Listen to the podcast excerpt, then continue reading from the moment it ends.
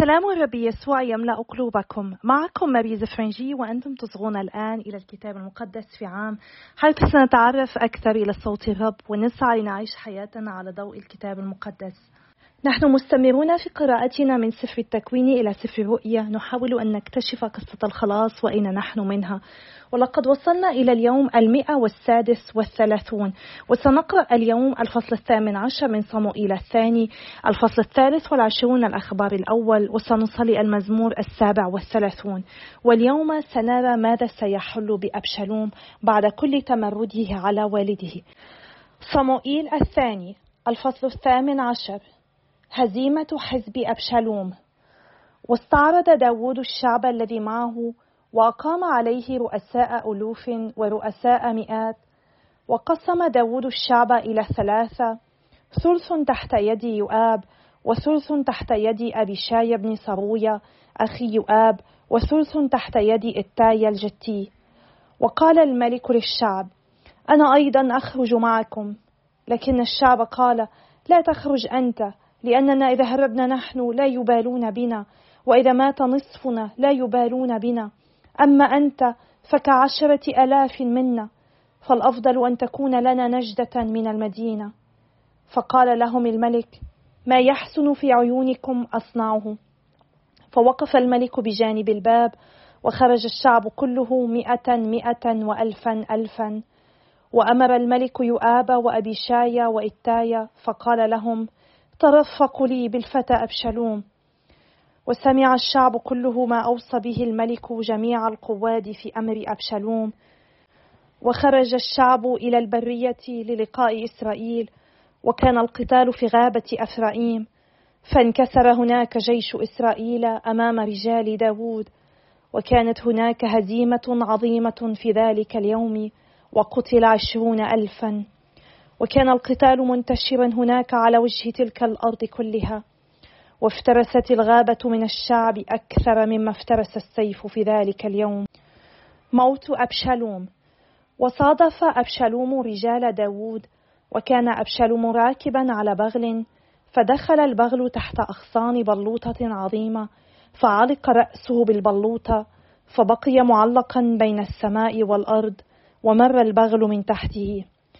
فرآه رجل فأخبر يؤاب وقال له إني رأيت أبشلوم معلقا بالبلوطة فقال يؤاب للذي أخبره بما أنك رأيته فلماذا لم تضربه هناك على الفور؟ فكان علي أن أعطيك عشرة من الفضة وزنارا. فقال الرجل ليؤاب ولو وزنت في راحتي ألفا من الفضة لما بسطت يدي إلى ابن الملك لأن الملك أوصاك على مسامعنا. أنت وأبي شاي وإتاية وقال راقب من كان ضد الفتى أبشلوم. ولو كذبت على نفسي لما خفي على الملك شيء ولكنت أنت قمت بعيدا عني. فقال يؤاب إني لا أتمهل هكذا أمامك. وأخذ بيده ثلاثة أوتاد فغرسها في قلب أبشلوم وكان لا يزال حيا في وسط البلوطة.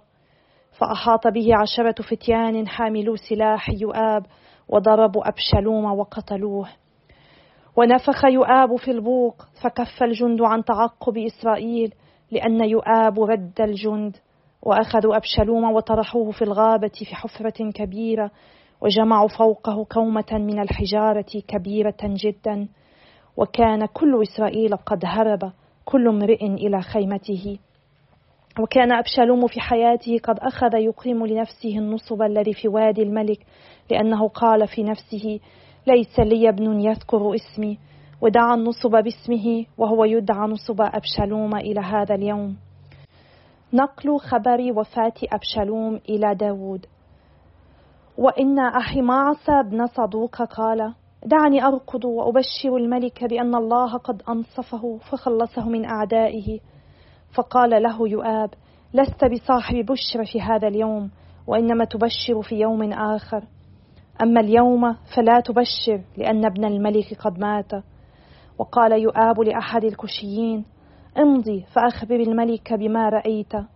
فسجد الكشي ورقد وعاد أحماعص بن صدوق وقال ليؤاب مهما يكن فدعني أرقد أنا أيضا وراء الكشي. فقال يؤاب لماذا ترقد يا بني؟ وليس لك بشرى تكافأ.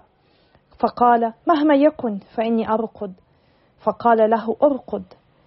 فرقد أحماعص في طريق السهل وسبق الكشي. وكان داود جالسا بين البابين.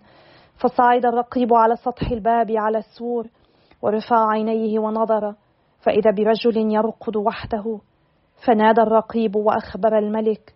فقال الملك إن كان وحده فعلى لسانه بشرى وكان يقترب شيئا فشيئا.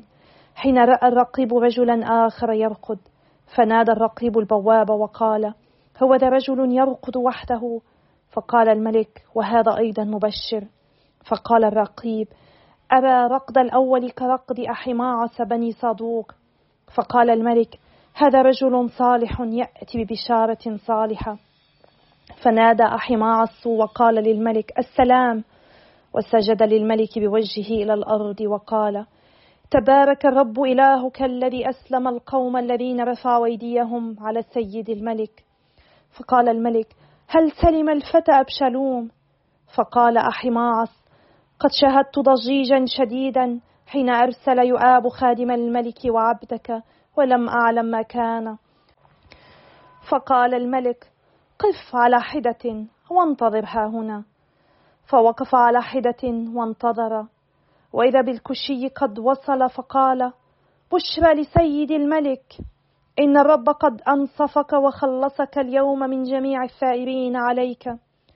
فقال الملك للكشي هل سلم الفتى أبشلوم فقال الكشي يكون كالفتى أعداء سيد الملك وجميع الذين ثاروا عليك بالشر.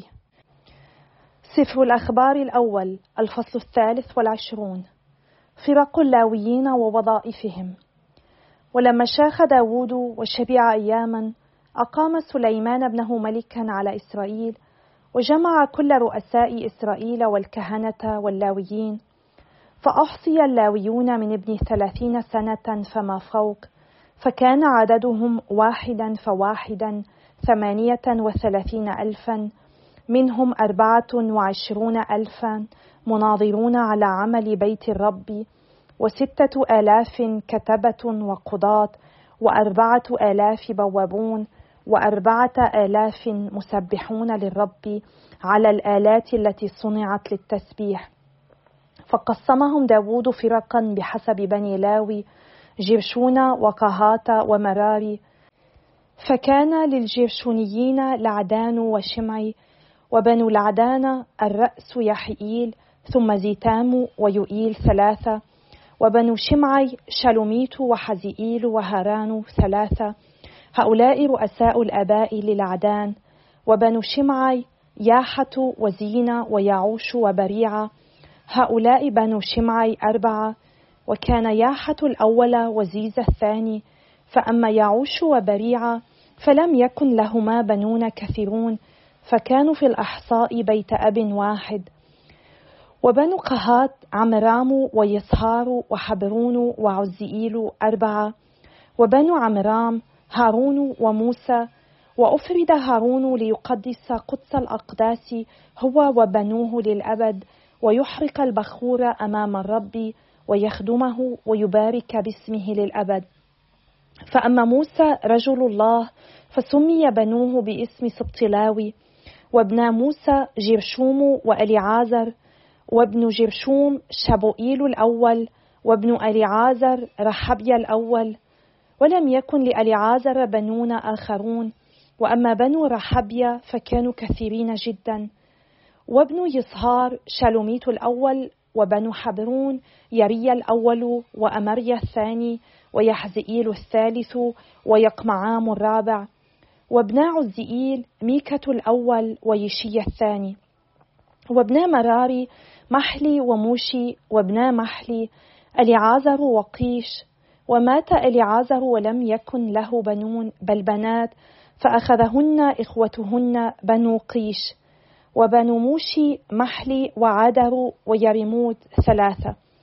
هؤلاء بنو لاوي بحسب بيوت آبائهم رؤوس الآباء كما أحصوا بعدد الأسماء واحدا فواحدا وولي القيام بخدمة بيت الرب من كان ابن عشرين سنة فما فوق. لأن داود قال إن الرب إله إسرائيل قد أراح شعبه فهو يسكن في أورشليم للأبد فلا يكون على اللاويين بعد اليوم أن يحملوا المسكن ولا أمتعته لخدمته.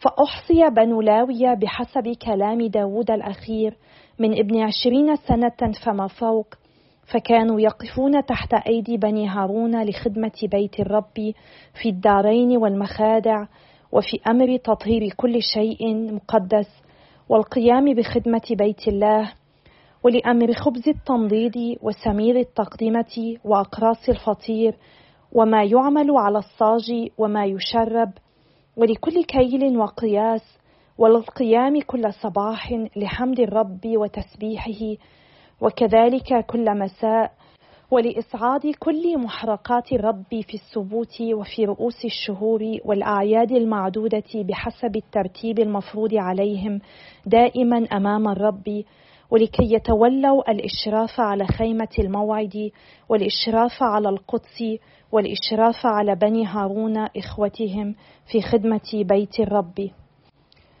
المزمور السابع والثلاثون لداود. على الأشرار لا تستشف ومن فعلة السوء لا تغر. فإنهم كالعشب سرعان ما يذبون وكأخضر الكلأ يذبلون. توكل على الرب ومارس الإحسان. اسكن الأرض وارع بأمان ولتنعم بالرب نفسك فيعطيك بغية قلبك. فوض إلى الرب طريقك وتوكل عليه وهو يدبر أمرك يظهر كالنور برك وكالظهيرة حقك. اصمت أمام الرب وانتظره. لا تستشر على الناجح في مسعاه على الرجل الذي يكيد مكايده. كف عن الغضب ودع السخط. لا تستشط فما هذا إلا سوء. فإن الأشرار يستأصلون وأما الذين يرجون الرب فالأرض يرثون. والشرير عما قليل لا يكون تبحث عن مكانه فلا يكون. أما الوضعاء فالأرض يرثون وبسلام وفير ينعمون.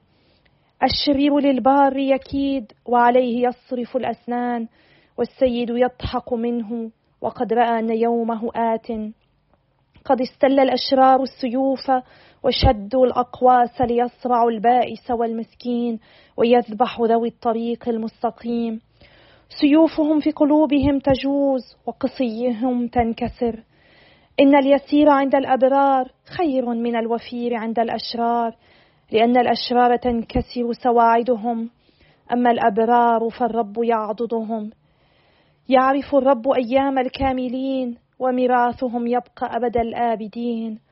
في زمان السوء لا يخزون وفي أيام الجوع يشبعون.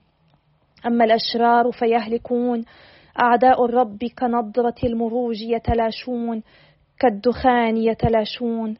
يستقرض الشرير ولا يفي أما البار فيرأف ويعطي.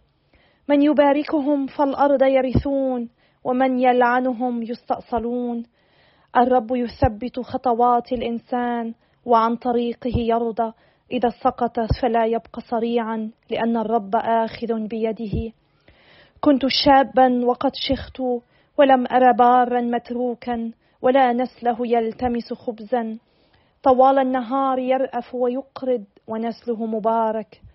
جانب الشر واصنع الخير يكن لك مسكن للأبد. فإن الرب يحب الحق ولا يترك أصفياءه. أما الأثمة فللأبد يهلكون. وناس الأشرار يستأصلون والأبرار يرثون الأرض ويسكنونها للأبد. فم البار بالحكمة يتمتم ولسانه بالحق ينطق. شريعة إلهه في قلبه فلا يتزعزع في خطواته. الشرير يترصد البار ويلتمس قتله لكن الرب لا يتركه في يده وإذا حكم لا يدعه يدان. أرجو الرب واحفظ طريقه يرفع شأنك لترث الأرض وترى الأشرار يستأصلون. رأيت الشرير عاتيا كأرز لبنان مرتفعا ثم مررت فلم يكن له أثر وبحثت عنه فلم يكن له وجود. راقب الكامل وانظر إلى المستقيم فإن للمسالم ذرية باقية. أما العصاة فكلهم يدمرون وذرية الأشرار يستأصلون. من الرب خلاص الأبرار هو حصن لهم في أوان الضيق. ينصرهم الرب وينجيهم من الأشرار ينجيهم ويخلصهم لأنهم به اعتصموا. أيها الآب الأزلي إننا نسبحك ونمجدك إننا نشكرك ونلتجئ إليك ونطلب منك يا رب أن تعدنا من بين الأبرار. أن تعدنا يا رب من بين الذين يثقون بك ولا يثقون بقوتهم. أعطنا يا رب أن نسعى في كل شيء لنفعل إرادتك. وفي المرات التي فشلنا فيها يا رب وابتعدنا عن تتميم إرادتك في حياتنا سامحنا وأعطنا أن نعود إليك بكل قلوبنا. إننا نسلم كل شيء إلى يديك يا أبانا السماوي. ونسلم لك قلوبنا وحياتنا مرة أخرى لأنك تستحق كل شيء. باسم يسوع نصلي. آمين. بسم الآب والابن والروح القدس. إله واحد. آمين. عندما خرج جيش داود لمحاربة أبشالوم وجيشه لاحظنا أن داود طلب منهم أن يترفقوا بالفتى أبشالوم. رغم كل ما ارتكبه أبشالوم في حق أبيه من تمرد وعصيان نرى أن قلب الأب الرحيم يخشى أن يمس ولده سوء لذلك نبه قادته ألا يهنوه أو يقتلوه. ألا يذكرنا هذا بما فعله رب المجد معنا نحن الخطأ؟ عندما كنا لازلنا خطأ بذل ابنه الوحيد ليفتدينا وغفر حتى لصالبيه وهو على الصليب. فلنتعلم من مثل الرب ومثل داود أن نكون رحماء أن نلتمس الأعذار للذين يسيئون إلينا. فكما أسقطهم الشرير في مكايده يمكنه أن يسقطنا نحن أيضا. ولنطلب المعونة من الرب ورحمته لنا ولكل هؤلاء الأشخاص حتى نستطيع أن نتمثل برب يسوع. وهزم أبشالوم وقتل رغم أن يؤاب كان يعلم أن داود يريد أن يحيا أبشالوم لكنه أخذ الأمور بيده وقتل أبشالوم. لأنه كان يدرك أن تمرد أبشالوم جلب عليهم كل هذه المصائب جلب عليهم مقتل عشرون ألف رجل في المعركة. ونرى أن داود قد حزن حزنا شديدا عندما أعلم بموت أبشالوم وقد صاح كما سنرى غدا يا ابني أبشالوم يا ابني أبشالوم قد تمنى لو كان هو الذي مات عوضا عن ابنه. نرى هنا أن داود قد أعلن أن أبشالوم هو ابنه. حتى هذه اللحظة أظهر داود أنه لم يكن أبا صالحا ولم يكن ينادي أبشالوم بابنه. ولكن هو الآن يناديه بابنه عندما سمع بوفاته. ربما لو أدرك داود دوره كأب في السابق وعامل أبشالوم كأبن له لما حدث كل ما حدث. علينا أن نتذكر أن الآب يدعو يسوع ابنه وهو يدعي كل واحد منا كابن وابنة له من خلال المعمودية. وهذه عطية ثمينة. هو يدعونا منذ لحظة عمادتنا وقبل ذلك يظهر إرادته لنا حتى نكون أبناءه. هو ينادينا باسمنا هو لا ينتظر موتنا حتى يدعونا أبناءه. وكم مهم جدا أن نشعر بهذه الهوية الانتماء له. إن الرب يقول لكل واحد منا اليوم أنت ابني المحبوب أنت ابنتي المحبوبة. نعم هي هويتنا التي حصلنا عليها من خلال سر العماد بسبب آلام وموت وقيامة رب يسوع. فلنسعى لنعيش كل لحظة في حياتنا نعكس انتماءنا للآب السماوي. إن الله يحبنا حبا عظيما وكما سمعنا منذ أسابيع عديدة القديس يوحنا قال إن الله أحب العالم حتى إنه جاد بابنه الوحيد لكي لا يهلك كل من يؤمن به بل تكون له الحياة الأبدية. هو أرسل ابنه الوحيد ليموت فداء عن كل واحد منا حتى يكون لنا نصيب معه حتى يمكننا أن ندعوه أبا حتى يمكننا أن نقول إننا أولاده إنني بنته إن كل واحد منا ينتمي له. في سفر الأخبار قرأنا أن داود حدد كيف ستكون العبادة في الهيكل وقد غير بعض القواعد السابقة. وبما أن الهيكل كان سيكون أكبر من خيمة الموعد وسيكون هيكلا دائما كان هناك تحول ضروري في نوع وكمية العمل الذي يجب القيام به. لذلك أعاد داود هيكلة خدمة اللاويين وخفض سن الخدمة من عمر الثلاثين حتى العمر العشرين. ذلك لأنه كان هناك حاجة لخدمة كثيرة. علينا أن نشكر الله على كل فرصة يعطينا إياها كي نخدمه. حتى ولو بدت الخدمة صغيرة هي عظيمة بنظر الله لأنها مقدمة له. فليتنا نشترك ويكون لنا نصيب في خدمة الله. بأي طريقة يطلب الله منا أن نفعل ذلك؟ ولنتمتع بصداقته وننال بركات وفيرة. في تأملنا اليوم فلنتذكر كيف أن داود أهمل واجباته كأب. هل هناك مسؤولية معينة في حياتك لم تتممها على أتم واجب؟ إذا كان هناك خذ بعض الوقت اليوم واطلب من الرب المغفرة وأن تفعل ما يجب عليك لتتمم مسؤولياتك. ولنصلي من أجل بعضنا البعض كي نفعل ذلك وكي نتذكر دائما هويتنا انتماءنا للآب السماوي لأن كل واحد منا ابن وابنة لأبينا السماوي. وإلى اللقاء غدا إن شاء الله يوم آخر.